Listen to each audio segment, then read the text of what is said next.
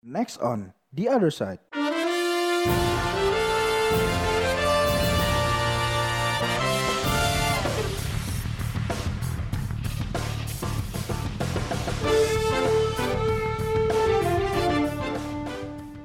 Assalamualaikum warahmatullahi wabarakatuh. Aduh, balik lagi nih di Other Side episode berapa nih, Ki? 12 ya, 12. Akhirnya Other Side punya tamu nih. Eh, ada, ada teman kita dari Fakultas Hukum. Mungkin kalian juga nggak kenal. Tapi ada satu yang menarik dari dia nih tentang penelitian dia kemarin waktu menyelesaikan S1 ya. Ya, iya betul mas. Nah, itu eh, tentang apa nih judulnya nih? Eh, kebetulan kemarin nulisnya tentang pertanggungjawaban partai politik dalam tindak pidana korupsi, bang. Oh, itu judul resminya ya? Judul resminya. Nah, pertanyaanku nih yang pertama langsung aja masuk aja. ya. Oh, ke- perkenalan dulu nih, perkenalan Oke lupa. oke oke oke. Kebetulan nama ah, nama aku Fikri Hmm. dari Fakultas Hukum UGM angkatan 2015. Oke. Jabatan yang diinginkan ya, ke pertanyaan organisasi gitu. Nah, jadi apa nih yang mendasari kamu tiba-tiba kepikiran tuh pengen ngerjain ah kayaknya TA gue tentang ini deh gitu. Kebetulan pertama sebenarnya nggak berhubungan dengan parpolnya, bang. Eh, berhubungannya sama perusahaan yang kemarin itu Januari 2019 Hmm. dijatuhi putusan oleh hakim itu Nusa Nusantara Konstruksi Engineering, Engineering bang NKE. Jadi, oh iya iya pernah dengar pernah dengar. Ah. jadi dia itu biasa nangkring-nangkring di dekat mena, apa Mega Kuningan yang bikin proyek- proyek-proyek tower itu. Ada juga di waktu aku sama si Fariski kerja eh bukan kerja praktik di Jogja juga ada jadi tulisannya engineering kan. Ya engineering pakai Iya. J. Aneh banget kan. Engineering. itu bahasa engineering di In- Indonesiain gitu kan. Iya. Terus terus Jadi karena mereka itu sebelum namanya NKE itu, mereka itu Hmm. terduga korupsi melakukan pas melakukan pembangunan uh, rumah sakit di Universitas Udayana, Bang Bali. Oh Bali. Oh Bali. jadi eh, rumah sakitnya itu punya Udayana. Udayana. Ah, di terus pro, itu yang pegang proyek mereka sebelum ber- berubah nama menjadi NKE itu, Bang. tadi ap- apa namanya tadinya? Ah, lupa, Bang, tapi Oh, ya sekarang tuh NKE namanya. Jadi dia korupsi terus berganti nama gitu. mungkin seperti itu karena dia mengganti nama pas lagi proses peradilan memang. Hmm. Oh iya. Karena mungkin berubah anggota direksinya juga gitu. Kayak ini ya Bang Senturi jadi Bang Mutiara ya. bisa bisa bisa bisa. bisa. Nah, terus gimana tuh? Nah itu karena uh, dari situ akhirnya terpikir jadi korporasi, Hmm. akhirnya pra- ah, itu penegak hukum tuh kayak nggak takut lagi untuk ngenegak itu kan uh, sikat korporasi Ah. yang terlibat dalam tindak pidana korupsi. Ah. Nah itu langsung kepikiran kemarin itu juga uh, saat itu kan lagi proses peradilannya Eni Saragi bang. Jadi dia itu Ah. terduga terlibat korupsi pembangunan proyek PLTU Riau 1. Bang. PLT Uriau 1. Nah itu, jadi ada korupsi di sana dan diduga kuat uangnya itu digunakan sebagai uh, untuk kebutuhan saat uh, Golkar, Hmm? golongan karya ini sebut partai saja ya. Gak apa-apa. Golkar uh, melakukan pemilihan munaslup uh, muna, apa munaslup Bang. Jadi musyawarah nasional luar biasa untuk memilih ketua umum pasca Setnov masuk BUI gitu. Hmm, Akhirnya gitu. kan terpilih, terpilih Erlangga Hartanto ya. Nah, uangnya untuk um, untuk apa? Uangnya itu di- eh, sangat-sangat diduga kuat untuk itu pemilihan Erlangga Hartanto itu. Jadi kayak proses acara mereka munaslup Hmm. itu Hmm. uh, digunakan uh, apa terduga dari hasil korupsi yang hasil suap di korupsi yang diduga uh, yang di uh, itu di apa didapat oleh Eni Saragih. Nah, itu Hmm.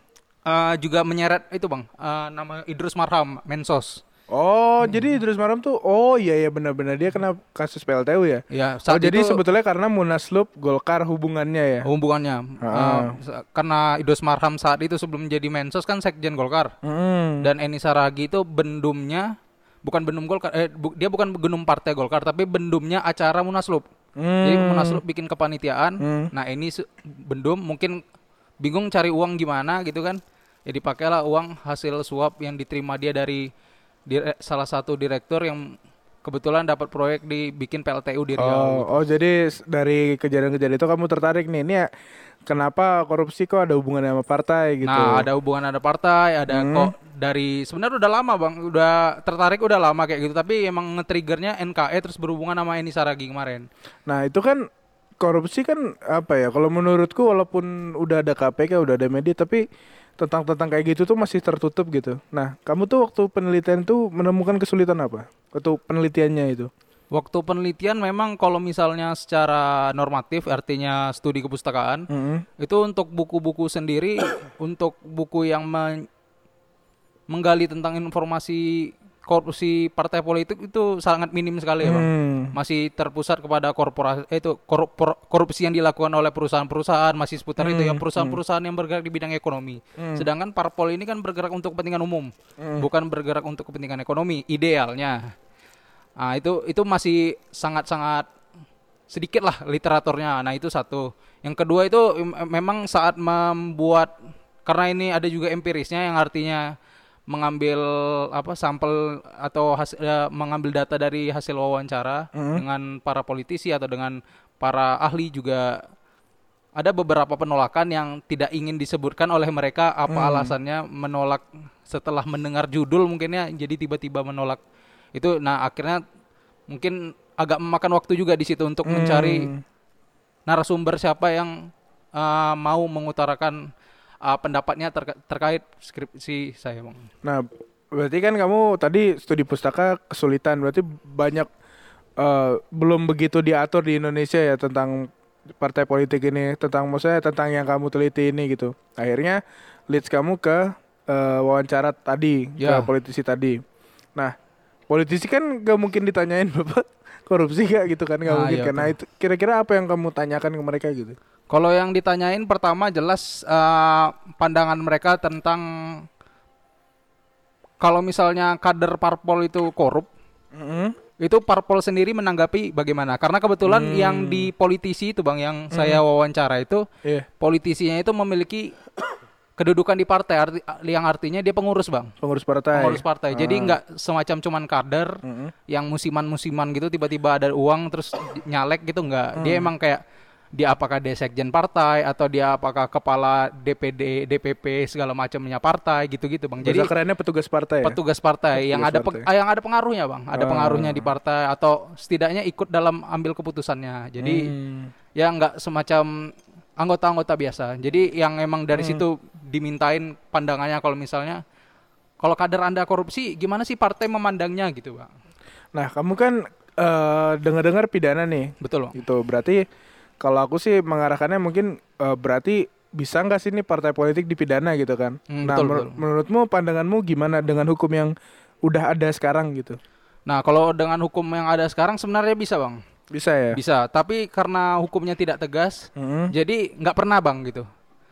Bahkan kalau misalnya kita memandang hukumnya, undang-undang tentang tindak apa, dia apa, apa Tipikor. uh, tipikor, undang-undang tipikor tahun uh, undang-undang nomor 31 tahun 99 itu kan dibuat tahun 99 ya, Bang. Iya. Nah, perusahaan uh, korp- uh, di situ menyebutkan korporasi, Bang. Korporasi itu artinya suatu entitas huk- badan hukum Hmm. atau bukan badan hukum yang uh, yang terdiri dari orang dan memiliki apa yang terdiri dari orang terstruktur dan memiliki kekayaan tersendiri. Nah, itu tuh sejak tahun 99 bahkan penegak hukum saja bera- baru Hmm. berhasil untuk menegakkan hukum terhadap perusahaan, perusahaan yang bergerak di bidang ekonomi ya.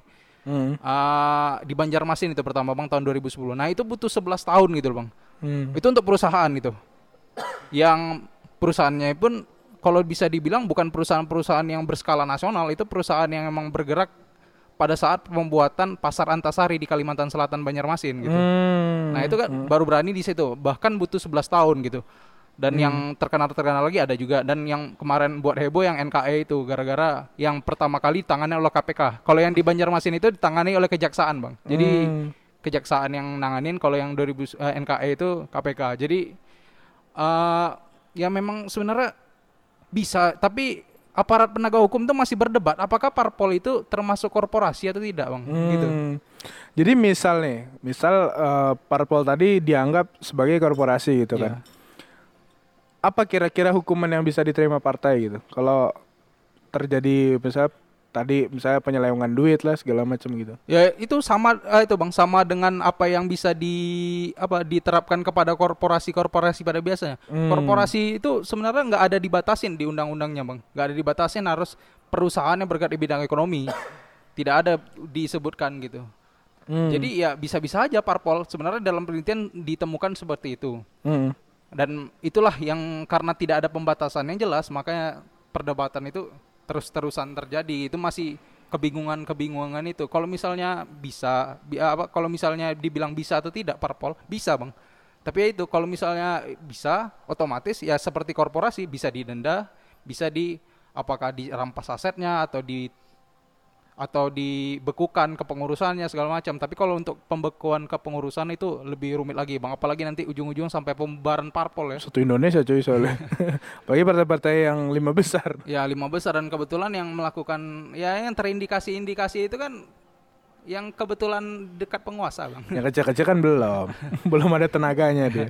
Nah, sekarang gini, berarti berarti kalau misal berarti ada ada suatu hukum yang entah belum jelas entah apa yang menjanggal akhirnya susah untuk penerapan ke partai politik tadi kan. Cuman itu kalau menurutku udah kayak apa ya rahasia umum dalam arti parpol tuh susah disentuh gitu.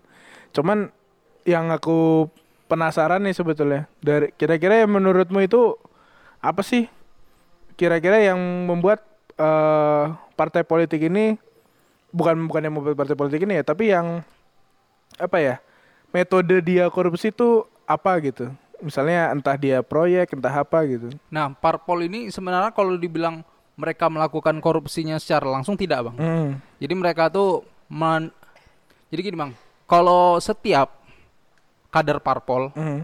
yang punya jabatan publik entah di mana pun, entah dia jadi komisaris BUMN, entah dia jadi kepala daerah, entah dia jadi anggota parlemen, Hmm. itu ada kewajiban untuk menyetor gajinya bang LH ke kas oh, partai. oh kas partai kirain kirain LHKPN apa sih itu namanya Nah, itu laporan ya? laporan ah, itu kekayaan itu harta kekayaan oh, itu iya, bang. iya, iya. Itu beda lagi itu. Kalau misalnya nah itu. Nah, kalau misalnya se umumnya kalau misalnya seseorang itu atau seorang kader itu mempunyai jabatan yang tinggi, tentu partai menuntut lebih, Bang. Nah, kontrak-kontrak politik ini yang mengerikan sebenarnya. Seorang gimana tuh seorang misalnya seorang kader punya punya jabatan yang besar. Contoh ya ZZ lah ya. Iya. Gubernur Jambi itu ya yang se- Ah. mantan artis itu. Dia yang kayak art ya benar yang masih muda dan karismatik ya, itu dia itu kan apa punya istilahnya megang megang provinsi Jambi. Nah, itu pasti uh, partai yang itu Matahari Putih itu yang dipimpin oleh Mbah Mbah Amin Rais. kasian jadi udah tua jangan diomongin di Maguwo dia. Iya Nah itu kalau misalnya eh di Con- itu Condong Cater sih lupa lupa. Ah, apa dia kalau misalnya ini kan pasti nuntut lebih ya. Kalau dari nah itu biasanya sebelum dia menang itu atau sebelum pemilu eh, sebelum pilkada itu sudah dimintain kontrak politik oleh partai yang bersangkutan atau partai pengusungnya gitu.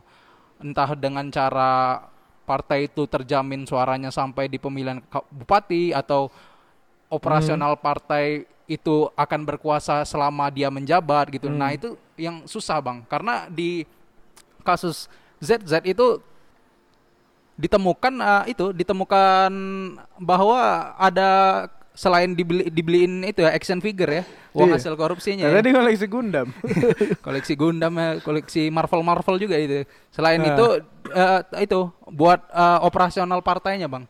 Nah, itu Bentuknya? yang Nah, salah satunya pembelian mobil, entah itu partainya lagi ngelakuin suatu munas atau lagi rapat, Eh, kan kalau nggak mungkin ya PNS aja kalau rapat di hotel apalagi anggota pa- partai ya. Iya. Nggak mungkin di itu masa dia yang keringan nggak mungkin di lesehan, Bang. nah gitu. tapi kan eh, yang kamu bilang tadi kan kayaknya partai politik nggak mungkin lang- korupsi secara langsung gitu Hmm. tapi gimana caranya dia beli mobil partai Maksudnya, Bang?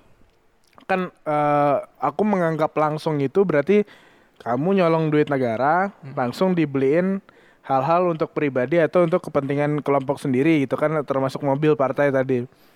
Nah, kenapa mung- apa dia melakukan kesalahan atau apa sehingga dia tuh korupsinya terang-terangan gitu beli mobil si partai Nah, ini. kalau misalnya di bidang korupsinya korporasi itu Bang itu dia gimana korporasi itu? Kalau nggak dia yang memberi perintah langsung atasan-atasan korporasi itu yang dalam kurung ini adalah partai politik atasan mereka atau yang pemangku kejiba- kebijakannya itu memberikan instruksi langsung kepada para anggota-anggotanya atau memang mereka sendiri yang ngelakuin korupsi terus digunakan untuk kepentingan partai atau masuk kas partai gitu.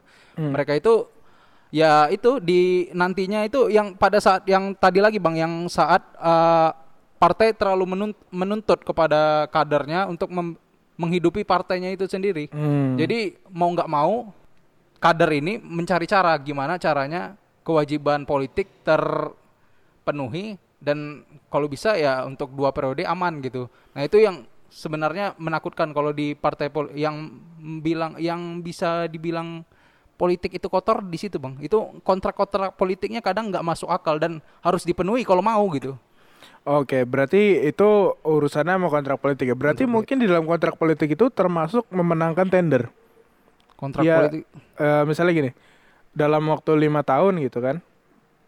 Eh, contoh deh, aku gubernur deh. Aku aku jadi gubernur gitu, gubernur pulau terpencil, mungkin jadi provinsi baru gitu kan. Eh, terus ada partai apa gitu kan? Eh, lu mau nggak jadi gubernur gitu? Hmm. Boleh, tapi nggak punya duit. Ya udah di- dibayarin partainya kan berarti. Tapi proyek tambang ini, proyek gedung ini, proyek infrastruktur ini harus menangin perusahaan anak buah gue gitu. Hmm. Itu termasuk korupsi yang di dalam partai politik itu berarti. Ah, kalau itu bukan bang. Kalau itu masuknya trading influence ya. Kalau Oh, trading jadi apa tuh trading influencer? Trading influence itu memperdagangkan pengaruh, Bang. Hmm. Jadi pengaruh-pengaruh ini atau segala macam itu nanti kan ya, ntar lu bilang aja gua gitu. Atau Hmm. lu bilang nama ini di itu nih di backing gubernur pulau ini nih gitu. Hmm. Di backing ini nih nanti lancar gitu kan. Hmm. Dapat terus gitu kan. Kalau itu kalau dalam undang-undang korupsi, undang-undang Indonesia sekarang belum belum di uh, akomodasi istilahnya lah belum jadi kalau yang masih trading trading influence itu memang belum bisa ditindak gitu kalau misalnya yang dalam korupsi parpol sendiri yang yang bisa dise, bisa dimasukkan apa kalau parpol itu terlibat korupsi ya kalau misalnya parpol itu terbukti menyuruh lakukan memerintah menginstruksikan atau digunakan untuk kepentingan parpol itu sendiri bang Hmm. Soalnya berarti itu yang rawan kan? Karena gini, misalnya ada tender. Tender kan tender ada banyak jenisnya ya. Ada yang bisa ditunjuk langsung. Itu eh, klasifikasinya masalah uang, masalah ya itu, segala biasa macam proyek kan. di bawah 200 juta bang buat PL kan menunjukkan langsung. Nah, ataupun yang tender. Itu kan kamu nggak nilai yang kamu misalnya kamu sebagai owner gitu kan Hmm, menerima ini gue pakai lu deh gitu. Itu kan sangat subjektif kan? Sangat subjektif. Nah dan tidak bisa dilacak kan? Nah tapi ya kita juga lihat infrastruktur negeri ini apalagi yang pelosok-pelosok nama-namanya kayak pernah dengar gitu. Kok kok kayak pejabat namanya gitu nama perusahaannya. Nah itu berarti belum termasuk bagian dari korupsi nah itu kalau oh, ini kita ngomongin masalah hukum ya, bukan bukan masalah kayak moral gitu ya. Iya. Nah, itu gimana? Kalau yang seperti itu, gue pribadi ya emang ragu sih bang. Kalau bilang ya? itu korupsi, Hmm. soalnya korupsi itu emang kayak strict banget buat ngerugiin negara gitu loh bang. Hmm. Kalau misalnya ba- bakalan berpotensi merugikan negara, Hmm. itu sekarang sayangnya tidak bisa bang, tidak Tidak bisa, bisa ya? ditindak karena emang sekarang yang di di setelah ada putusan MK jadi berubah itu kalau misalnya melakukan suatu tindakan yang merugikan negara itu harus ada dampaknya bang. Jadi negara benar-benar rugi, Ji- bukan negara berpotensi rugi gitu. Kalau negara masih ada potensi rugi karena ada perusahaan-perusahaan yang dipakai yang atau dibuat ini buat menangin tender segala macam, itu kan masih berpotensi kan. Belum terbukti apakah negara, negara itu rugi atau enggak itu. Nah, kalau itu tuh yang sebenarnya aneh juga kemarin itu putusan MK, tapi ya kalau MK berpendapat sih untuk kepastian hukum katanya, Bang. Nah, kalau a- aku kan mikirnya gini ya, eh, cara korupsi eh, terutama entah nanti perusahaan entah nanti parpol yang mendukung suatu caleg atau suatu pejabat gitu kan. Ya dia modelnya kayak investasi aja gitu kan. Misalnya dia Hmm. Balas investasi gitu. 100 M gitu. Ini gue bantuin lu kampanye.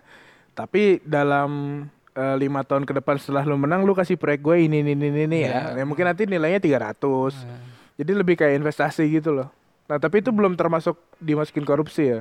Kalau agak gua sendiri dari baca undang-undangnya yang ada dua biji itu yang tahun 99 sama 2001 ragu sih bang. Kalau itu dibilang tindak pidana korupsi dan it- udah mencakup wilayah aparat penegak hukum untuk menindak karena itu emang gimana itu gerakan bawah tanahnya bang janji-janji politik atau politik balas budi itu emang bisa nanti itu berpotensi sekali merugikan negara karena yang muter duitnya di situ-situ aja kan. Karena ya mungkin udah invest gitu atau uh, udah megang ini mungkin dari perusahaan sawit segala macam gue dukung ntar dapat suara gitu ya. Tapi proyek sama gue terus ya gitu lima tahun ke depan gitu kan. Kan ada jadi kalau yang kulihat selama eh, pemilu-pemilu kemarin lah ada dua jenis sih maksudnya ada yang mungkin benar-benar dana dari belakang ada yang sebagai tokoh gitu kan ya kalau kita mau langsung sebut aja namanya kan model-model BPIP Mm-mm. TGUPP-nya.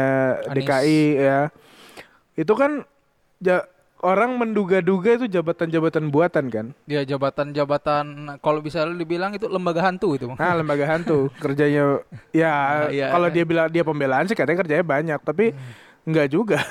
Kelihatannya kan jadi masyarakat nih menduga ah ini eh, apa sih namanya nepotisme ya berarti ya. Lebih Ya. ke arah gitu ya. Teman-teman dekat gitu. Teman-teman dekat dibuatkan suatu lembaga yang digaji sangat besar ya, gitu. di gaji nggak nanggung 100 ya bang 100 dan ya nggak tahu juga sih gitu gimana. Mungkin itu yang masih kurang diatur di Indonesia ya. Apa namanya? Trading Trading oh, influence. Trading influence gitu ya. perdagangan pengaruh gitu. Nah itu menarik juga sih karena eh aku pernah dengar istilah itu di organisasiku pernah diomongin gini namanya NPB, nepotisme profesional berkualitas gitu. Jadi pen- menurut pendapat mereka nepotisme tuh nggak apa-apa asal profesional dan berkualitas gitu. Lebih ke arah ini sih misalnya kalian berdua gitu kan punya skill sama eh, apa sama semua sama. Tapi kan aku lebih dekat sama Fariski kan. Ya. Yang ku pilih Fariski gitu. Lebih ke kayak gitu sih. Tapi kalau yang buat perusahaan-perusahaan nggak mungkin gitu doang sih. Pasti ada kontrak kontrak politik di belakangnya kan. Nah selain tender-tender tadi gitu menurutmu apa lagi yang eh, potensi-potensi yang korupsi yang dilakukan parpol melalui pejabat gitu? Kalau itu yang kembali lagi kalau misalnya yang paling ngeri itu sebenarnya kalau misalnya pejabat eh apa kadernya itu bukan seorang pejabat bang. Mm-mm. Kalau pejabat itu kan mesti melaporkan laporan harta kekayaan kan. Mm-mm. Karena dia melakukan pejabat. Jadi ada ada instansi-instansi yang me- meng- me- apa namanya, mengawasi gitu ke laporan arus keuangannya. Nah, kalau misalnya kader tersebut bukanlah seorang pejabat atau bukanlah pemangku kebijakan atau bukan yang megang-megang suatu instansi besar. Nah, itu kan tidak wajib melaporkan laporan kekayaan, tapi wajib tetap wajib nyetor uang ke parpol. Nah, itu yang mengerikan sebenarnya. Asal asal uangnya dari mana, parpol masuk dan parpol itu ngerinya juga tidak ada yang men-screening keuangannya, Bang. Dan Hmm. dia mereka itu tetap mereka itu eh, tetap mungkin sidang setahun sekali kalau yang pernah aku tanya di eh, wawancara dengan salah satu pengurus partai di Jawa Tengah ini eh, di kabupaten di Jawa Tengah ini dia mereka bilang kalau misalnya untuk pertanggungjawaban keuangan itu hanya dilakukan pada eh, hanya dilakukan setahun sekali atau kalau misalnya ada kasus mendadak atau kasus luar biasa setahun dua kali itu dilakukan dan sesama anggota partainya gitu. Dan kebe- ke- biasanya itu tidak ada pertanyaan bang karena gimana ya kayak sidang yang dibacain banyak bete nggak sih? Mm. Iya, iya. Dibaca ngomong ngomong angka lagi pakai angka lagi Jadi kan? parpol ini nggak ada tanggung pertanggungjawaban ke mana gitu. Parpolnya sendiri ya, maksudnya kan kalau ketua parpol mungkin ke pembina gitu kan. Hmm. Tapi parpolnya sendiri ada pertanggungjawaban nggak? muter-muter bang situ-situ aja Situ-situ aja. situ-situ aja Oh, jadi, jadi dia tidak ada di bawah Kemenkumham gitu. Kemenkumham itu cuma sebagai lembaga yang mengesahkan parpol itu sebagai badan hukum. Jadi boleh ikut pemilu, boleh segala Oh, macam At- iya, iya. atau dia bisa mendapat nama partai gitu loh, Bang. Kayak Nasdem dulu kan. Nasdem kan or- ormas ya dari Hmm. Golkar. Nah, itu dia mendaftarkan mendaftarkan diri ke Kemenkumham dengan syarat-syarat tertentu, Hmm. akhirnya jadi partai kayak Oh jadi gitu. Kemenkumham cuman eh, lebih ke melegalkan aja Melegalkan gitu. dan- Tapi bukan bertanggung jawab ke Kemenkumham gitu. melegalkan dan mencabut, Bang, mencabut statusnya jadi partai gitu. Tidak tidak sebagai kayak laporan keuangan ke Kemenkum enggak. Tapi biasanya mungkin pencabut itu lebih ke arah bubar sendiri ya. Jarang ada yang dicabut gitu ya. Dicabut, dibekukan, dibubarkan, semua opsi ada tapi sangat sangat sangat susah bang menemukannya kalau untuk sekarang ya. Masalah keuangan ini menarik karena eh, kan ada tuh kok mungkin kamu hafal ya, aku juga nggak hafal-hafal banget sih. peraturan dana kampanye Peraturan dana kampanye. kan kalau nggak salah perorangan maksimal berapa gitu kan Hmm. dan ada maksimalnya kan dan itu kayak cuman dua setengah miliar gitu loh kayak dikit itu sumbangan pribadi, Bang. cuma pribadi Itu jadi kalau tiap eh kalau misalnya tiap kader itu untuk ke partai itu eh, maksimal nyumbang kalau pribadi itu dua setengah m kalau nggak salah dan korporasi kalau nyumbang ke korporat korporat itu kalau nyumbang ke partai maksimal tujuh setengah m.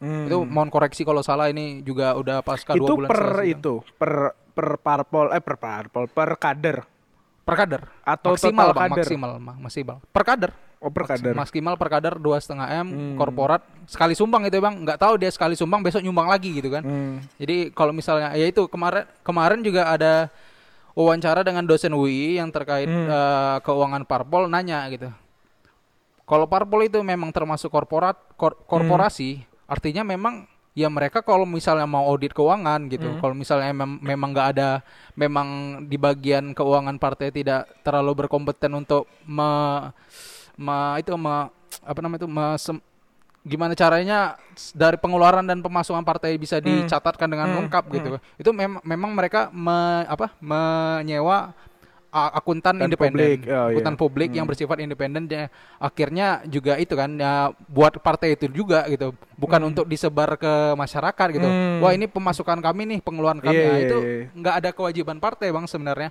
untuk uh, menyebut kepada publik bahwa pemasukan kami tahun ini sekian miliar padahal T kan gitu. Hmm. atau pemasukan kami sek- sekian miliar apa padahal T gitu. Nggak ada kewajibannya bang. Dan juga nggak ada kewajibannya pertanggungjawabannya ke presiden lah atau ke kementerian lah nggak ada. Nah keuangan keuangan partai ini kan eh, pasti satu untuk operasional. Betul. Tapi goal besarnya untuk menang kan? Betul untuk menang entar penang itu pilkada, pilkada, pemilu. caleg apa presiden ya presiden ya mungkin gak semuanya lah. Hmm. berarti kan sumber eh, korupsi ini bisa dibilang terbesar karena kampanye tadi kan? Bisa bisa untuk kampanye. karena eh, apa ya kayaknya se serakah serakahnya orang maksudnya kayak nggak ngambil banyak banyak banget ngerti gak sih? Tapi kalau dana partai memang kebutuhannya besar kan? Ya yang kayak misalnya apa sih dulu yang gubernur Jawa Barat ya? Yang Prabowo minta 300 m paket hemat dibilangnya 300 miliar untuk Jawa Barat tuh paket hemat jadi gubernur. Hmm. karena eh? Jawa Timur ya? Lanyala bang. Bu, Lanyala ya? Ya, lupa Lanyala, aku Lanyala, Nah, Lanyala yang habis itu bentak-bentak Prabowo terus dukung Jokowi kan? Iya ya biasa lah itu. Lanyala. Nah itu eh, dibilangnya paket hemat 300 m. Ya kalau orang mikir oh Prabowo duit. Padahal kan itu aslinya memang segitu. Iya. Orang baliho aja berapa kan segala macam. Nah berarti itu kan salah satu bisa dibilang salah satu sumber korupsi yang terbesar gitu dari ini. Nah kalau kita balik gitu misalnya kita u- eh, tebalikin semuanya, mungkin gak sih kampanye itu tidak berbiaya gitu? tidak mungkin bang Tidak berbiaya dalam arti gini, tidak berbiaya besar sehingga orang eh, apa tidak perlu balik modal gitu. kalau dibilang kemarin tujuh tujuh eh, tujuh dari narasumber saya itu bilang bahwa setuju apakah politik itu berbiaya mahal setuju mereka apakah Setuju. Politik itu kotor setuju juga itu Hmm, jadi politik itu mahalnya itu memang di meyakinkan masyarakat bang. Iya iya betul. serangan subuh tuh mungkin yang terakhir lah bang. Mereka itu malah saat kampanye. Saat kampanye itu nyewa nyewa lokasi nyewa Iya. keamanan nasi kotak segala macam kan? Bas. bus segala macam gitu kan. Mau mungkin mau ke Monas gitu segala macam gitu kan. Ah, itu tuh memang mahalnya itu kalau misalnya dibilang itu salah politik politikus nggak juga sih bang. Itu Hmm. mungkin kalau gue bilang ya gue setuju sama politikus itu salahnya emang pakemnya masyarakat ketika ada seseorang yang kampanye door to door jangan jangan jangan di lapangan dulu deh Hmm. door to door. Pertama yang ditanya duitnya mana? Hmm, hmm. dan itu nggak mungkin kalau misal mau dapetin suara ya apalagi DPR RI yang suaranya gede banget harus kalau mau tembus gitu itu nggak mungkin Apalagi 100 lebih ke ini ya, ke lebih ke daerah-daerah ya. nah, apalagi daerah Kalau di tempatku di Jaksel di ketoknya nggak bakal mau keluar cuy. Bodoh amat ada caleg gitu kan. apalagi kalau Ah. misalnya di daerah yang memang apalagi daerahnya yang emang yang gimana ya bisa dibilang menengah ke bawah dalam urusan ekonomi jadi memang kalau dikasih duit ya mau mau aja gitu Hmm. apalagi yang menerapkan sistem kayak gitu bukan satu partai, mungkin 16 16 yang ikut pilkada sekarang, eh pemilu sekarang. Jadi ya balap-balapan duit, Bang. Gimana caranya merebut hati suara masyarakat gitu. Itu tidak menggeneralisir semua masyarakat Hmm. suaranya itu dipengaruhi oleh uang ya, tapi yaitu kenyataannya mereka yang bertuju itu minta kemarin minta ceritain gimana pengalamannya door to door atau di lapangan ya kalau masyarakat itu sebenarnya nggak mau gerak ya kalau nggak ada duit bang Nah, aku, ini eh correct me if I'm wrong ya. Du- eh, aku pernah denger apa namanya wawancaranya Budiman Sujatmiko. Eh, Budiman yang sangat terkenal itu dengan 4.0-nya. Dia bilang memang gak balik modal katanya. DPR tuh tidak balik modal. Misalnya dia modal mungkin awal 5M gitu ya. 5M. 5M gaji 50 juta itu kan tadi kamu dibilang eh, bisa potong tenaga ahli. iya betul Apa namanya DPR kan Iuran partai eh, iuran partai terus makan-makan apa ngobrol sama orang kan namanya DPR kan eh, ngeluarin duit apa lancar gitu kan Hmm. Nah tapi memang kata dia yang dibeli sama dia power katanya. Kalau misalnya orang berpikirnya misalnya ini bukan berpikir ya niatnya negatif power itu kan equals money lagi. Iya. kalau dia ya ini ya ini cerita dia ya, baik atau tidak itu kan bukan ranah saya gitu. Dia bilang kalau kita punya duit eh kalau kita jadi DPR power kita nambah. Akhirnya urusannya ke sini. Misalnya kita di tiba-tiba diajak Pak mau nggak jadi pembina organisasi apa Hmm. organisasi apa itu nanti eh, misalnya kita jadi kok eh, or- itu kan eh, nanti ngebuka acara apa Ya. segala macam aktif di sana dapat link dapat Hmm. ini masyarakat dapat ide baru jadi lebih ke arah sana sih sebetulnya dia mendefinisikan powernya gitu ada juga ini kalau orang-orang yang terkenal aku dengar dari orang-orang terkenal sih kayak misalnya eh, dari Ridwan Kamil gitu kan Kamil. Dengan dia misalnya dia walaupun mungkin dibayarin Nasdem ya kampanyenya. nggak tahu juga nggak tahu juga sih. Tapi kayaknya nggak kuat lah bayar Iya. sendiri. Misalnya dia keluar duit lah X money gitu. Tapi dengan itu kan dia punya power di APBD kan.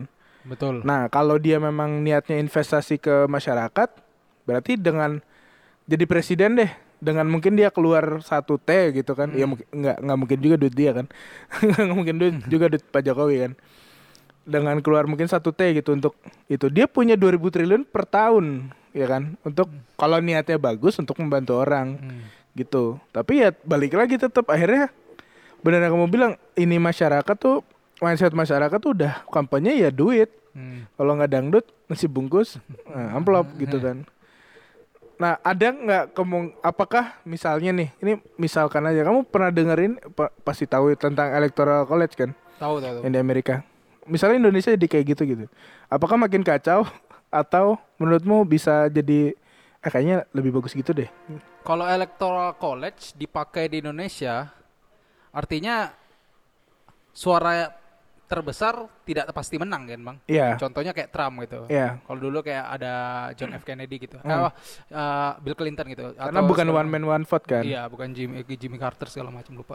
Pokoknya yang paling jelas ya mungkin Donald Trump gitu kan. Hmm, Karena dia menang di kota-kota besar yang mempunyai kuota electoral vote-nya besar hmm, dan kebetulan secara keseluruhan yang menang Hillary, hmm, dia yang menang gitu kan. hmm, Tapi kalau kayak gitu dipakai di Indonesia sama aja sih bang, nggak ada perubahan. hmm. Karena ujung-ujungnya merebut suara bang. Tapi yang lucunya nanti kalau misalnya kayak gitu, kasihan daerah-daerah ter- terpinggir yang 3T itu bang, terpinggir, Hmm. terluar segala macam. Suaranya itu dianggap hanya puluhan gitu. Karena kalau kampanye di Jawa aja kan berarti misalnya, kampanye di Jawa aja di Jawa atau di Sumatera Utara atau di Iya. Kalimantan Selatan iya atau yang Sulawesi Selatan besar aja gitu. ya kan Bali gitu-gitu doang, Papua gitu-gitu doang. hmm. yang pokoknya manusia banyak deh gitu atau Hmm. yang dia nggak pakai patokan manusia banyak tapi yang electoral vote-nya dalam kongres itu yang terbanyak gitu nah Iya, kayak iya. gitu kayak gitu pokoknya yang susahnya di electoral vote kayak gitu pertama pertentangannya itu dulu bang jadi kayak berarti yang menang bukan mayoritas dong gitu Hmm. yang menang berarti yang harus mendapat suara eh, mendapat kedudukan sebagai elektoral yang paling banyak dong nah itu pertanyaan Ini pertanyaan btw kalau kalian kata electoral college mendingan YouTube aja ya. Kalau kita ceritain kayak agak susah sih soalnya. ya, itu Konsepnya agak-agak ribet ya. Beda dengan kalau kita kan namanya one man one vote. Iya. Pokoknya berapa yang menang ya itu yang menang itu. menang mayoritas menang. Gitu.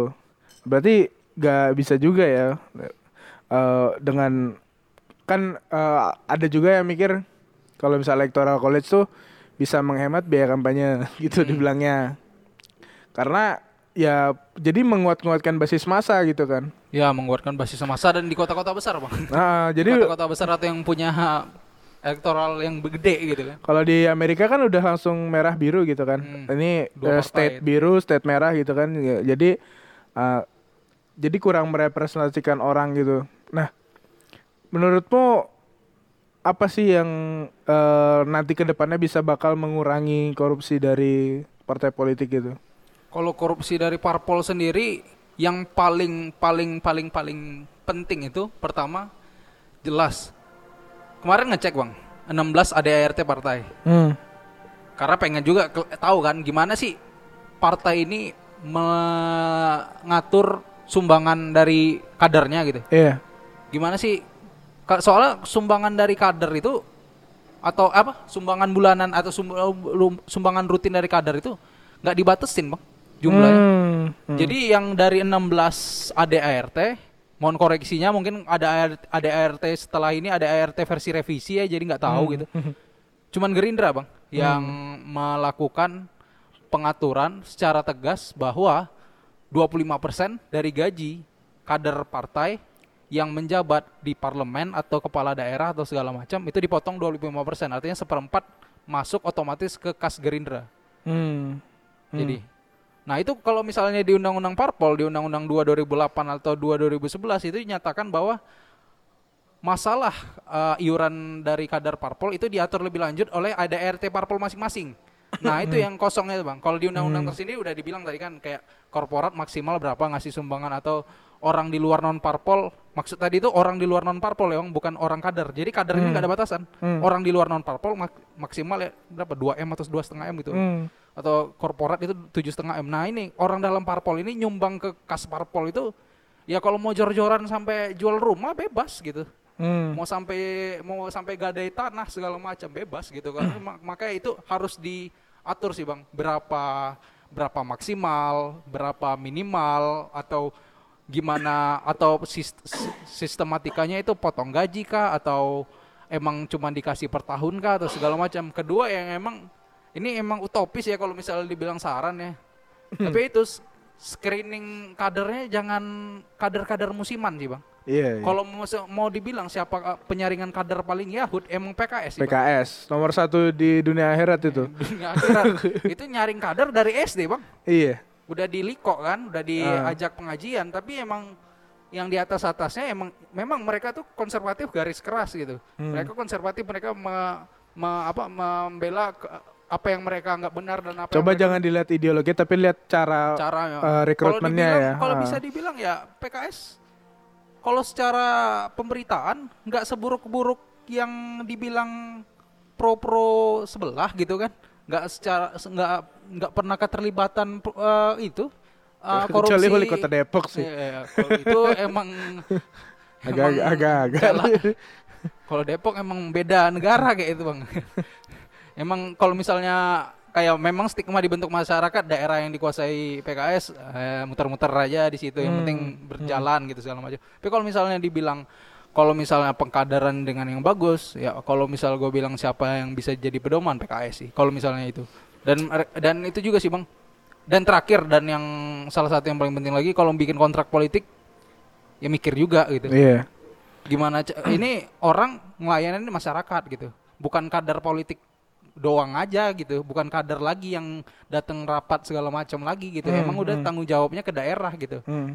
tanggung jawab misal ke kebupa- kabupaten tanggung jawab ke provinsi tanggung jawab ke negara. Masa kalau misal dikasih kontrak kalau misalnya ini dibagi eh ini menang nih menang nih, nih. apalagi kalau misalnya sekarang ketumnya yang megang media lah atau Hmm. ketumnya bos bos tambang Kalimantan sana lah Hmm. Hanura ya segala macam Iya. nah itu kalau dari eh, kesimpulan skripsi gue kemarin tiga itu yang paling penting sih bang. Kalau Hmm. misalnya mau dibilang utopis ya emang utopis karena emang susah juga diterapin. Tapi yang paling mungkin dasar buat saran administrasinya di bagian administrasi maksudnya oleh parpol itu bikin gimana caranya parpol itu membatasi atau memaksimalkan ah, membatasi atau memberi bat- batasan maksimal seorang kader itu kalau nyumbang berapa sih gitu.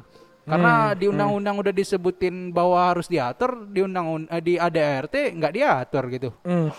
Jadi ya kader kalau mau jor-joran ngasih 10 T ya bebas gitu. Nah sekarang lucunya dari eh, di negara ini yang kulihat ya, partai itu kan jarang sekali sebagai sebuah wadah ideologi gitu. Kalau di Amerika kan mungkin jelas ya, ada dua partai yang sangat berseberangan. Jadi apa pun liberal. ah, apa pun kasusnya kelihat akan kita bisa prediksi gimana cara dia menyikapinya gitu kan. Di Indonesia eh, podcast kemarin juga eh, aku ngomongin tentang parpol tanpa jati diri. Iya. Nah, ini kita keluar dari masalah korupsi lagi nih. Ada kita keluar dari masalah korupsi dan ada yang lumayan membuat aku bertanya-tanya sih sebetulnya. Eh tadi kan aku bilang tak parpol nggak ada ideologi, Iya. tanpa ideologi. Tapi seberapa besar Indonesia ini sebenarnya mengatur ideologi tadi sehingga dengan boleh orang merazia buku gitu. Kan baru ada kejadian nih Iya. buku-buku yang gambar Om Karl Marx kayaknya ya. Om sama Lenin, Om Lenin. Om Lenin ya. Di tiba-tiba di Sama Bang Om Karl Marx, Om Lenin ada. nah, ditangkap gitu kan. Nah, Iya. menurutmu gimana tuh? Kalau misalnya ngomongin peraturan hukum atau ngomongin gimana ya, Bang?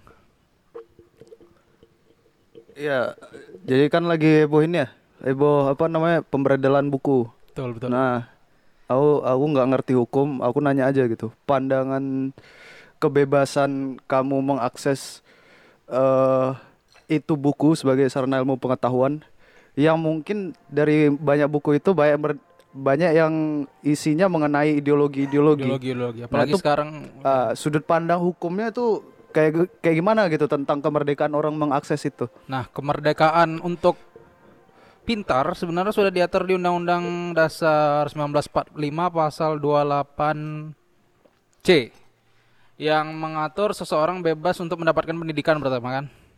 Pendidikan anggaplah itu bukan lah, yang pendidikan ya itu di sekolah atau universitas itu. Nah, itu tapi mengakses informasi dari dari teknologi segala macam itu sudah diatur di undang-undang, Bang. Jadi eh kalau misalnya dibilang pembatasan informasi atau pembatasan pengetahuan yang didapat dari buku itu tindakannya ya itu sama dengan menolak untuk maju ya menolak atau gimana bisa bisa gimana bisa orang takut dengan kertas gitu? Takut dengan e-book gitu. Sehingga harus dibredel. Padahal dalam undang-undang udah di undang-undang dasar ya bukan undang-undang lagi udah 28C udah dibilang bahwa seseorang itu bebas untuk mengatur me- bebas untuk mendapatkan ilmu pengetahuan dari pemanfaatan ilmu atau teknologi segala macam. Dan juga kalau misalnya untuk mengkaitkan dengan buku-buku yang sekarang di yang ditenggarai berbalut-balut mungkin ya bisa dibilang karena masih awetnya ketakutan atau paranoidnya masyarakat terhadap PKI ya gitu. Yang katanya mau bangkit tapi nggak tahu bangkitnya dari tahun 78 dibilang mau bangkit lagi tapi sampai 2019 belum belum juga. Itu udah diatur sebenarnya dalam Undang-Undang nomor 4 tahun 63 tentang penyitaan buku-buku eh, penyitaan media yang berbasis kertas atau buku segala macam ah, itu udah dicabut oleh putusan MK. Jadi aki- artinya sekarang udah dicabut itu yang boleh melakukan razia atau yang boleh melakukan penyitaan kepada buku atau yang tadi bisa bilang dibilang media cetak gitu kertas gitu kan ah, itu adalah aparat pene- penegak hukum atau sudah ada surat perintah dari pengadilan. Jadi tindakan oleh brigade sebelah Makassar gitu ya. Itu ilegal. Apalagi dilakukan oleh brigade tersebut di tempat publik gitu. Di tempat publik yang dalam artian di Gramedia. Bukan di toko buku indie-indie gitu ya, bukan bukan di penerbit-penerbit mahasiswa ya.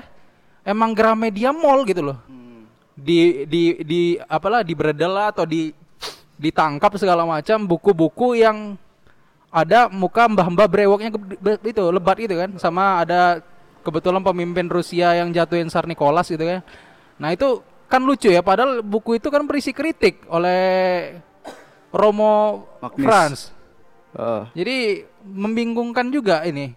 Emang clickbait itu bukan hanya ada di internet ternyata ya. Emang udah udah menjadi ideologi clickbait gitu. mm. Nah, cuman Apa? gini, eh nggak cuma masalah PKI ya sebenarnya. Jadi kalau kita lihat banyak kasus di mana gerakan-gerakan yang berusaha untuk merusak eh, tatanan negara itu juga didasari oleh buku misalkan khilafah gitu. Ya. Jadi kalau menurutmu nih, kira-kira sebahaya apa sih? Maksudnya buku-buku itu bagi stabilitas dan pertahanan negara tuh sebahaya apa gitu Hmm. sampai sampai semua baik dari aparat dan lapisan masyarakat pun bergerak gitu loh untuk Hmm, memberedel betul. dan membatasi akses orang terhadap buku gitu. Ya.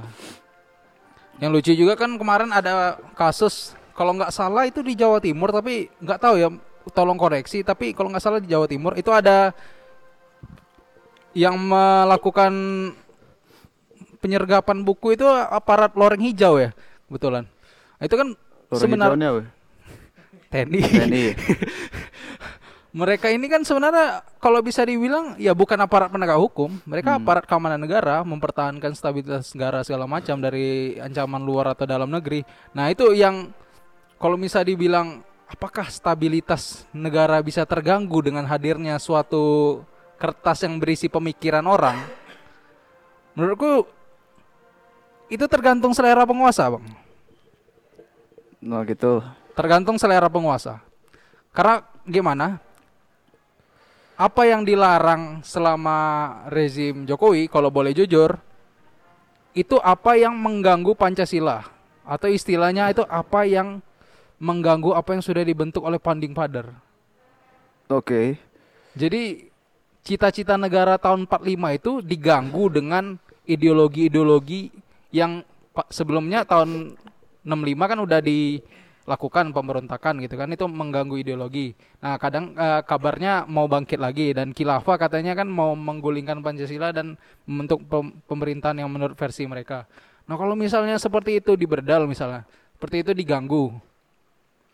Ya itu melanggar undang-undang tadi lagi mereka ini mau menegakkan menegakkan cita-cita negara, menegakkan konstitusi negara, mencoba bersikap nasionalis lah istilahnya.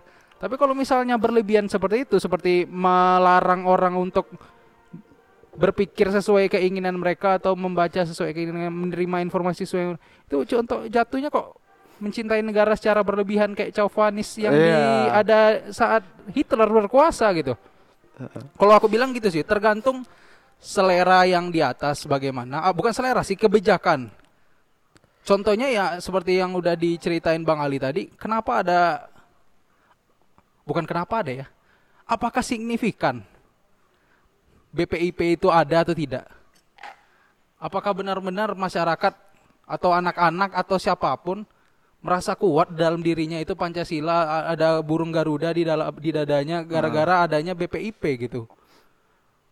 Ya kan sebenarnya kalau misalnya aku bilang ini ya memang itu gerakan atau bentuk contoh dari penerapan yang nasionalis, tapi Hmm. kok melarang orang untuk berpikir gitu.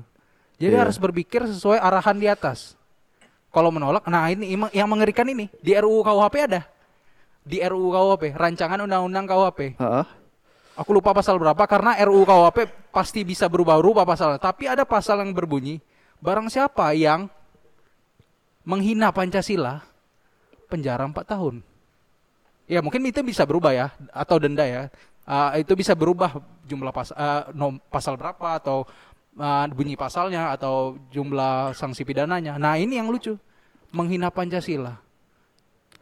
Ateis salah dong. Ya, nah, nah ini aku mau pertanyakan sih. Ideologi ini kan semacam sebuah imajinasi gitu. Hmm. Angan-angan eh, Angan-angan utopis itu. angan-angan utopis gitu terhadap sebuah tatanan negara gitu. Ideal. Dan ideologi ini kan eh, bukan sebuah produk hukum positif gitu kan. Ya. Ya artinya ti- tidak ada konsekuensi atas eh, apa poin-poinnya dari Pancasila sangat karena sangat normatif gitu loh. Apa yang dimaksud ketuhanan Maha Esa persatuan kalau kita ngomongin Pancasila gitu. Nah, bagaimana dia apa eh, tadi misalkan undang-undang KUHP itu bisa menjatuhkan konsekuensi terhadap eh, pertentangan akan nilai-nilai yang sebetulnya normatif sekali gitu. Hmm. Pancasila ini kan sangat sangat tidak punya menurutku ya, tidak punya interpretasi yang mutlak dan tidak material gitu. Artinya bisa saja Pancasila itu didefinisikan orang secara luas gitu loh. Ya karena itu emang dasar negara sih bang. Nah, Dasar negara itu memang tidak boleh sebenarnya di dijelaskan secara rinci gitu. ah, Harus di apa namanya itu dimaknai secara sendiri-sendiri gimana Ah. pemaknaannya. Nah, yang masalahnya kalau dimaknai secara sempit, nah itu. kalau dimaknai secara luas, kalau dimaknai secara lain dan tapi dimaknai secara lain itu diterima oleh orang luas. Nah, ini yang susah gitu. Nah, itu kan menarik tuh. Jadi kayak bahwa Pancasila Pancasila ini bisa ditangkap maksud dan value dari Pancasila ini terhadap masing-masing pribadi itu eh bisa berbeda-beda gitu tentang apa itu konsep ketuhanan yang maha esa gitu kan. Tentang apa itu konsep persatuan Indonesia. Tapi ditetapkan hukum atas itu gitu loh. Hmm. Nah, kayak kau bilang tadi kayak undang-undang KUHP menghina Pancasila. Sebetulnya itu kayak menurutku kayak apa ya? Kayak meradikalisasi Pancasila gitu sebagai sebuah Entitas yang tidak boleh tersentuh. ah. Dan itu menurutku bahaya bagi ilmu pengetahuan sebenarnya. Iya memang memang. Itu sedang didebatkan sekali itu. Nah, jadi gini, yang aku pengen pertanyain juga gitu. Kenapa eh ada nggak sih kayak misalkan kayak dalam aktivitas pem, penraziaan buku gitu kan, Iya. pemberedalan buka buku gitu. Ada nggak itu istilahnya dikaji gitu?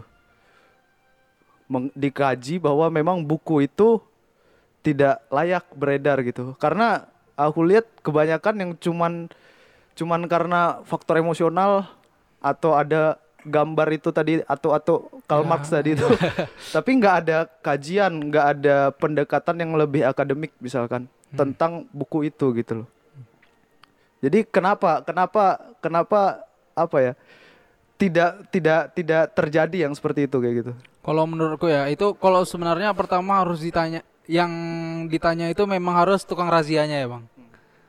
Maksud anda itu anda takut karena gambarnya, anda takut karena isinya, atau takut karena orang yang setelah membaca isinya melakukan suatu tindakan gitu kan? Ah, Nah, yang yang terjadi selama ini memang itu tuh emang atas kayak gimana ya?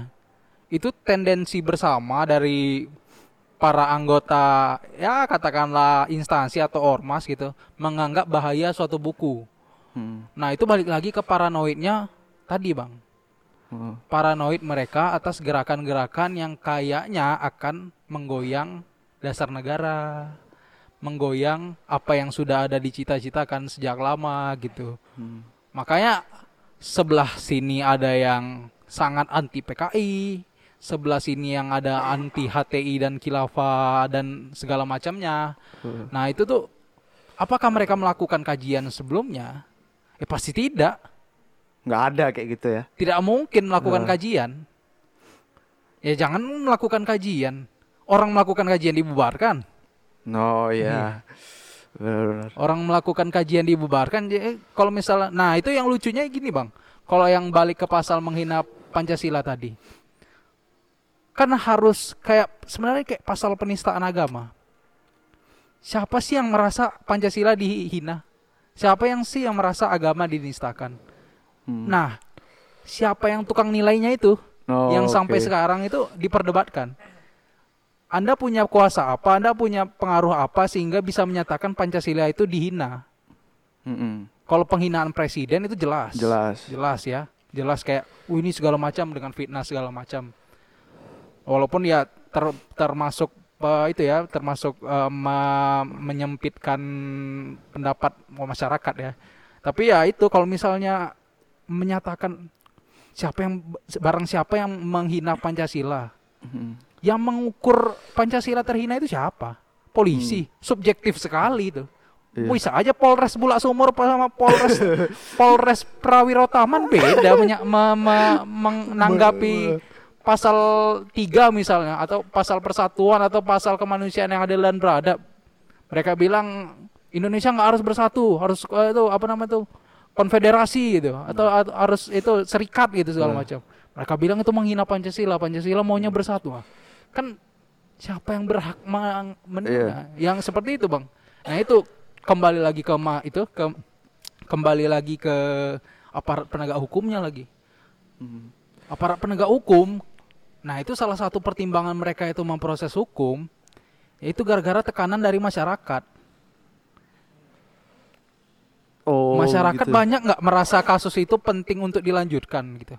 Hmm. Masyarakat merasa nggak itu, oh itu ya final, ah, ya kan kalau sekarang ya Twitter please do your magic ya, biar viral segala macam atau bikin postingan yang aneh-aneh di Instagram segala macam. Nah sekarang ini yang viral ini yang membahayakan bang. Nah baru-baru ini kan la- lagi itu nih, lagi booming kasusnya yang anak Akmil, Enzo Oh iya, yang ditenggar di, ditenggarai ha- Orang ter- Prancis ya? tercemar HTI gitu ya. oh yang tercemar HTI. Iya, katanya ibunya sama dia HTI, tapi nggak tahu sih masih itu ya masih diselami oleh uh, TNI sendiri kok bisa sampai masuk gitu segala macam gitu kan. Sekarang masih ya tuduhan-tuduhan segala macam. Berarti eh, kalau kita lihat tindakan-tindakan dari aparat itu sebenarnya lahir dari masyarakat sendiri. Ya karena aparat itu masyarakat sendiri, Bang. Maksudnya katakanlah aparat itu sebagai negara gitu. Aparat sebagai Berarti sikap negara. sikap negara itu adalah apa? Sikap aparat. respon terhadap ini ke keresahan masyarakat kayak gitu. Masyarakat yang ada di daerah itu sih. Karena karena gini Fik, aku ngelihat gitu ya bahwa negara gitu katakanlah itu Jokowi atau Ah. siapa pun yang eh, ketika disenggol masalah ideologi ideologi ini seolah-olah tuh Jokowi atau presiden atau siapa gitu ya Ya. seolah ada rasa ketakutan sehingga dia harus menekankan bahwa dengan sangat emosional bahwa NKRI harga mati gitu loh. Hmm, nasionalis. Ah, NKRI harga mati. Siapa yang Apa ini yang Pancasila macam-macam yang dilibas ganggu kan? Pancasila Dilibas disikat kan? gitu. Ya, ya. Jadi apakah sebetulnya negara ini juga terpengaruh dari dinamika masyarakat itu tentang ideologi-ideologi ini? Sebenarnya yang kayak gitu ya itu tuh Bang, kembali lagi ke sikap penguasa sebenarnya. Hmm. Kalau aku bilang penguasa saat ini lebih santai gitu misal atau lebih membuka, bebas untuk an- orang sana sana sini mengembangkan pemikirannya gitu segala macam. Tapi dengan tidak jangan jalur kriminal ya, tidak melakukan pembunuhan massal atau pengeboman apa penembakan segala macam ya. Memang murni cuman untuk ngembangin ajaran apa yang dia percaya aja gitu. Kalau misalnya yang kayak gitu ya Ya aku tuh seperti se- aku sih yakin kalau misalnya itu sikap penguasa awalnya. Hmm. Terus masyarakat mengikuti, masyarakat percaya bahwa siapa pun yang merasa terindikasi PKI harus disikat. Hmm. Siapa pun yang me- mencoba mengganti Pancasila harus dilibas. Nah, itu lucunya, yang lucunya, yang lucunya sebenarnya ini. Petinggi negara tuh ngompor-ngomporin. Ya. ngompor-ngomporin ini yang aduh gimana ya gitu bukan jadi penengah gitu tapi malah ya memang harus kita Nah, itu lenyapkan itu yang gitu. maksud tadi. jadi yang antitesis dari pernyataan pemerintah semakin terbakar Nah, betul. yang pro pemerintah semakin menuhan-nuhankan iya itu harus ini apalagi pemilihnya mungkin ya Ya harus ini betul betul apa kata bapak itu betul gitu. Kalau yang antitesisnya, woi apa tuh emang itu maka terciptalah mungkin kemarin bongpret kan. Apa Segala- tuh? Oh, kampret. Makanya tercipta istilah yang tidak penting itu. Makanya kayak gitu bang. Itu kalau misalnya mengerikannya itu saat dikompor-kompor itu. Apalagi yang mengompor itu di syuting mukanya di TV tiap hari. Hmm. Jadi yang pendukung setianya dan pendukung setia itu nyebarin ke orang lain, ya udah muncullah paranoid segala macam. Kalau aku bilang ya ya efek-efek korban masih tersisa dengan sangat kuat ya, bukan tersisa lagi ya. Heeh. Emang udah jadi udah menggurita ya. Nggak bisa nggak bisa hilang kayak dalam beberapa tahun ke depan atau beberapa tahun lagi karena Berapa emang periode lagi eh, kayak memang tahu. masih dipelihara gitu. Masih dipelihara entah itu mungkin sebagai entah itu ya namanya basisnya kan suara ya. Siapa dapat suara, siapa dapat suara, dia yang berkuasa. Eh, Siapa dapat suara, siapa dapat masa, dia yang bersuara gitu. Eh dia yang berkuasa gitu. Dikumpulkanlah orang yang satu suara sama dia gitu. Nah, dia dia dia lontarkan ide ini gitu. Bahwa siapa pun yang mencoba mengganti ideologi kita, siapa pun yang mencoba mengganggu landasan negara kita yang sudah ditetapkan pada tahun 45 akan saya sikat gitu segala macam. Nah, itu kan sebenarnya dalam hal bagi yang tidak pro pemerintah itu kan sedikit menyebar ketakutan ya. Hmm. Bukan sedikit sih emang nyebar itu ngeri ya. Kan sikat ya, sikat Iya. itu. Soalnya Kalau tidak literally diucapkan emang bisa hilang gitu. Bukan Petrus lagi Ah, tuh ya. Nah, jadi nih ya, ini aku pertanyaan nih. Aku nggak tahu nanti yang dengar akan memandang kau seperti apa. Nah, Tapi terkait masalah ideologi nih, kau setuju nggak sih kayak HTI atau Hmm. FPI itu dibubarkan gitu? HTI FPI dibubarkan. Art- organisasi-organisasi yang terindikasi itu membawa ideologi-ideologi yang tadi dikatakan mengganggu, yang berpotensi itu tadi mengganggu Hmm. dan berpotensi akan disikat tadi. Ya. Kalau aku menurut kau nih setuju nggak dan pandangan hukumnya itu kayak gimana sebenarnya menanggapi organisasi pembubaran masalah organisasi-organisasi kayak gitu? Hmm. Kalau misalnya masalah HTI kemarin kan sangat terkait waktu aku magang ya 2017 itu di Kemendagri aku magang. Mendagri pun mengontrol ormas kan sebenarnya. Mereka itu kan bagian undang-undang ormas. Mereka itu izin izinnya nggak diperpanjang atau ya eh, itu HTI dibubarkan sih kalau FPI yang masalah izin itu kan izin ormasnya. ya. Berarti administrasi ya? Kalau HTI eh, FPI ya, tapi kalau HTI itu itu bang orga itu yang meresahkan. Gara-gara dia nggak meresahkan Hmm. di MK diputuskan bahwa itu organisasi terlarang. Nah, terlarang ini, terlarang ini lagi, terlarang ini kan yang membikin antara pemerintah, Kemendagri, yang ngatur ormas ya, Kemendagri dan DPR. Mm-mm. Kalau DPR diisi oleh orang-orang pro pemerintah yang cenderung ke sebelah sini Iya. dengan suara mayoritas, ya gampang-gampang aja gol bahwa yang terlarang ini yang menentang Pancasila segala macam. Selain itu, nah kalau udah udah bilang selain itu ngeri.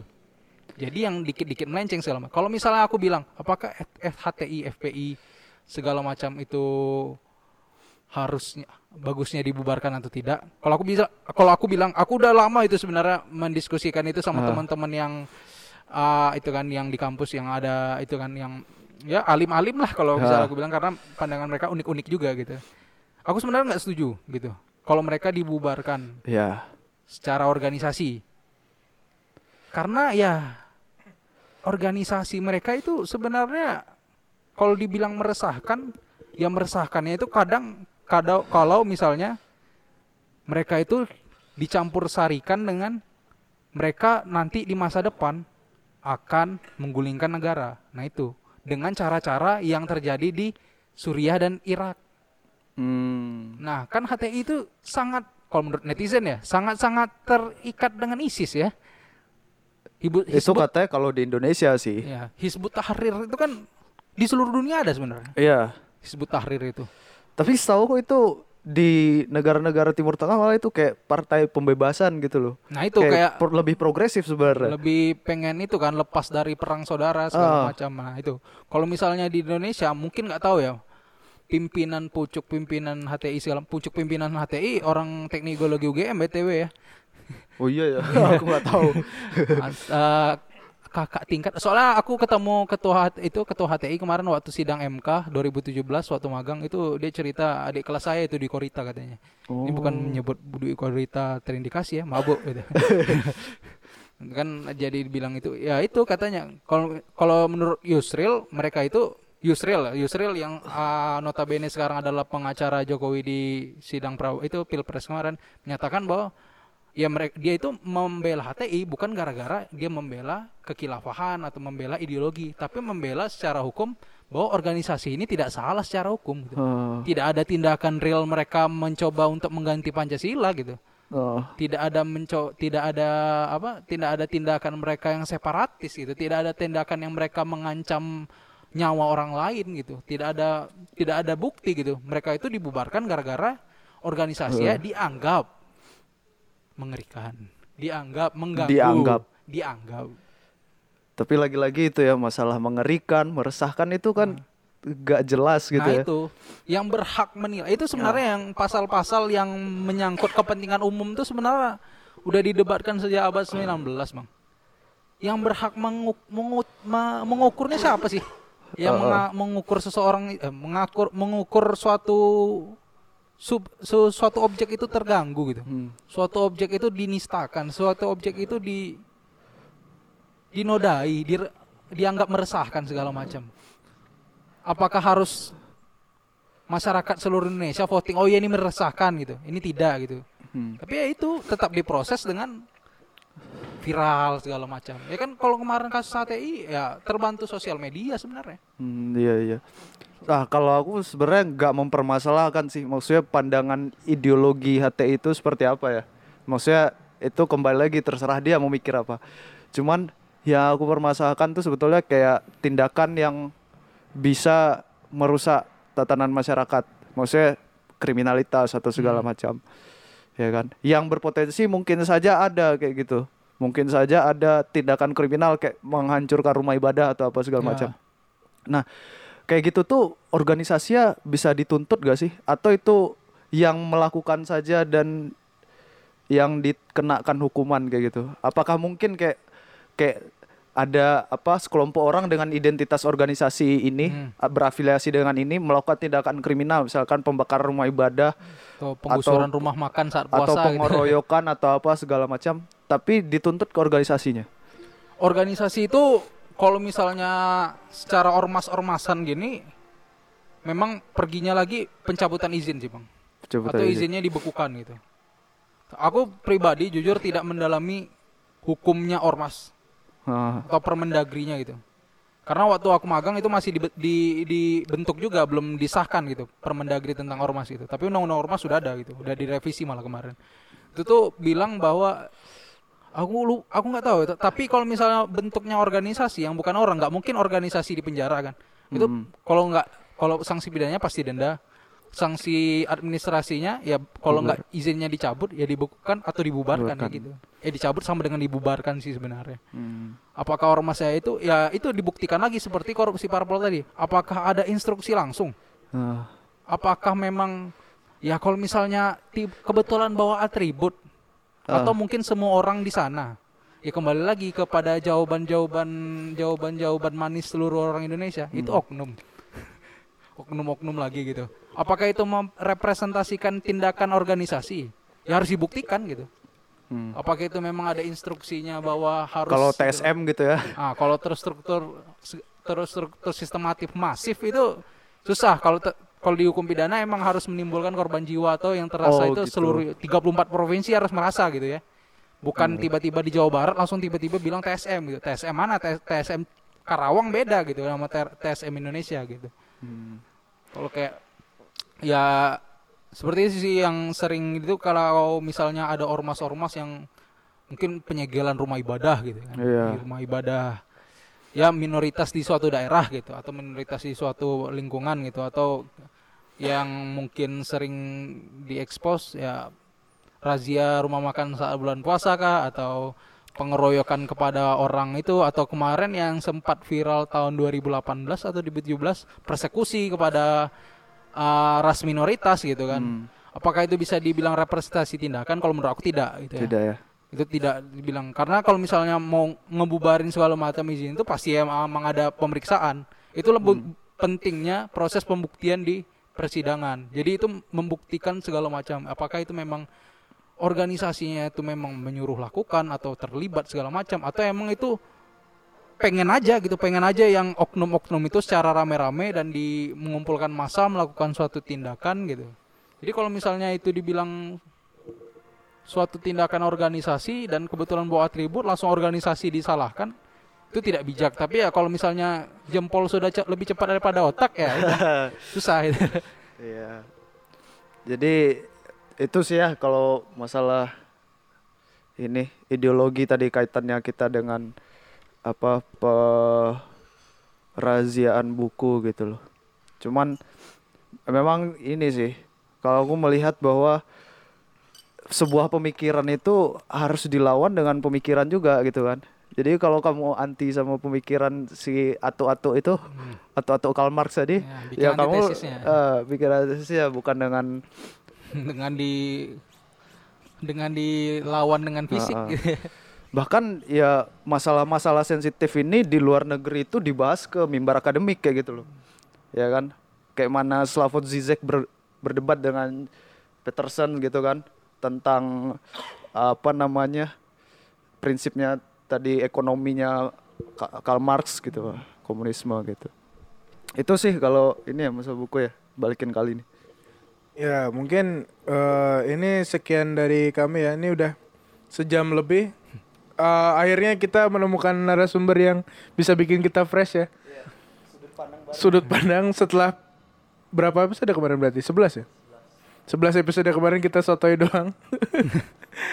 ya mungkin nanti karena memang eh, tadi eh, kamu ini ya hukum pidana ya lebih ke Konsentrasinya. konsentrasinya hukum pidana ya. Mungkin nanti ke depannya ada hal-hal yang bisa kita obrolin lagi gitu kan. Boleh, boleh, boleh. Eh, kan memang tug- eh, ini kita ngomongin tentang korupsi parpol dan ini karena memang korupsi parpol itu tugas akhirnya kan Tugas akhir. eh, skripsinya gitu. Skripsi, Jadi ya mungkin dia udah menggali lebih dalam lah, lebih spesifik tentang itu. Nanti mungkin ke depannya ada yang mau dibahas lagi tentang hukum mungkin eh, bisa diobrolin lagi atau misalnya dengan kamu buat teman kan gitu. Ya, boleh, boleh. Ah, jadi eh, semoga ke depannya kita punya narasumber lagi ya Ki ya. Biar banyak ini sudut pandang baru ya. Biar banyak sudut pandang baru dan ah, karena memang eh, dari kalau kita mau teliti nih ya anak UGM eh ya nggak UGM dong sih setiap orang pasti punya pemikiran beda-beda kan setiap orang punya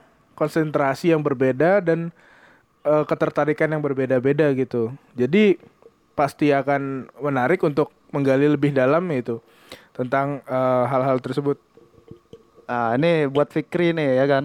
Sebagai narasumber pertama setelah sekian episode itu bagaimana tuh harapan dan kesan pesannya untuk podcast kita gitu kan.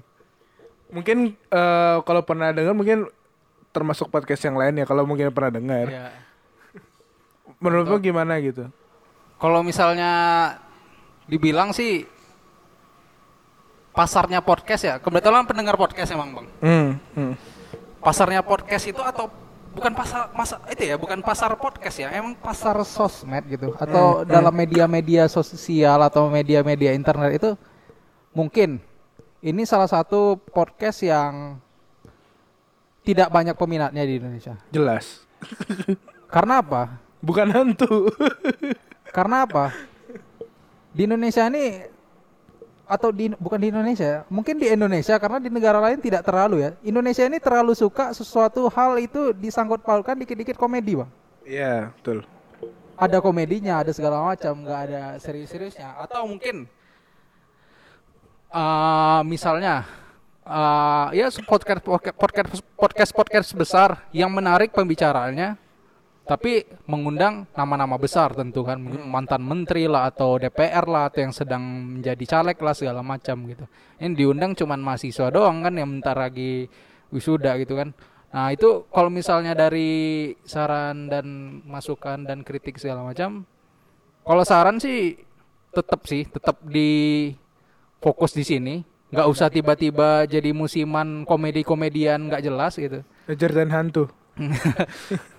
tetap di jalan misalnya emang dari awal episode 1 itu gimana kalau misalnya itu kan idealisnya ya. Ya nggak tahu sih emang ntar kepepet tiba-tiba jadi komedi kan bang Rizky bang Fariski ngelawak set- setengah jam gitu nggak tahu kan. Iya. tapi ya kalau misalnya saran dari aku sih ya tetap di jalannya kalau bisa yang ngundang orang lain yang lebih kredibel yang punya nama kebetulan ya pastinya ke- kebetulan punya nama dan dia bisa mempromosikan podcast ini gitu Hmm. Kami karena dari awal niatnya gini sih lebih ke arah eh aku kan udah ngasih mindset ke teman-teman juga. Kita kita sepakati mindset itu. Kita dari awal pasti yang denger dikit karena satu ini tidak banyak orang yang tertarik juga kan. ya Walaupun misalnya kita anggap isunya penting. Tapi ya sebetulnya lebih ke arah ini sih. Eh, tujuan akhirnya tuh eh, bukan profit tapi lebih ke sharing niat ya. kita satu sharing dua uh, jadi trigger diskusi sih sebetulnya karena memang eh, pijak ini aslinya memang kita juga mulai nyebarin ke adik-adik kelas gitu loh tentang ayo lah diskusi lah bikin lah akhirnya lumayan adik-adik kelas kemarin bikin diskusi tentang apa namanya pemindahan ibu kota Pemindahan ibu gitu. jadi sebenarnya lebih ke kan jangan inilah maksudnya jangan sampai budaya diskusi ini hilang. Walaupun sekedar ngobrol-ngobrol ya ngobrol biasa gitu nggak usah yang berat-berat gitu kan. Lebih ke arah situ sih sebetulnya. Jadi untuk eh, sekali lagi terima kasih buat eh, ini narasumber kita yang pertama. Sangat seru podcastnya karena banyak banget yang diomongin. Ternyata sisi lain dari tadi kita ngomongin korupsi partai politik sama dari eh, tentang ideologi.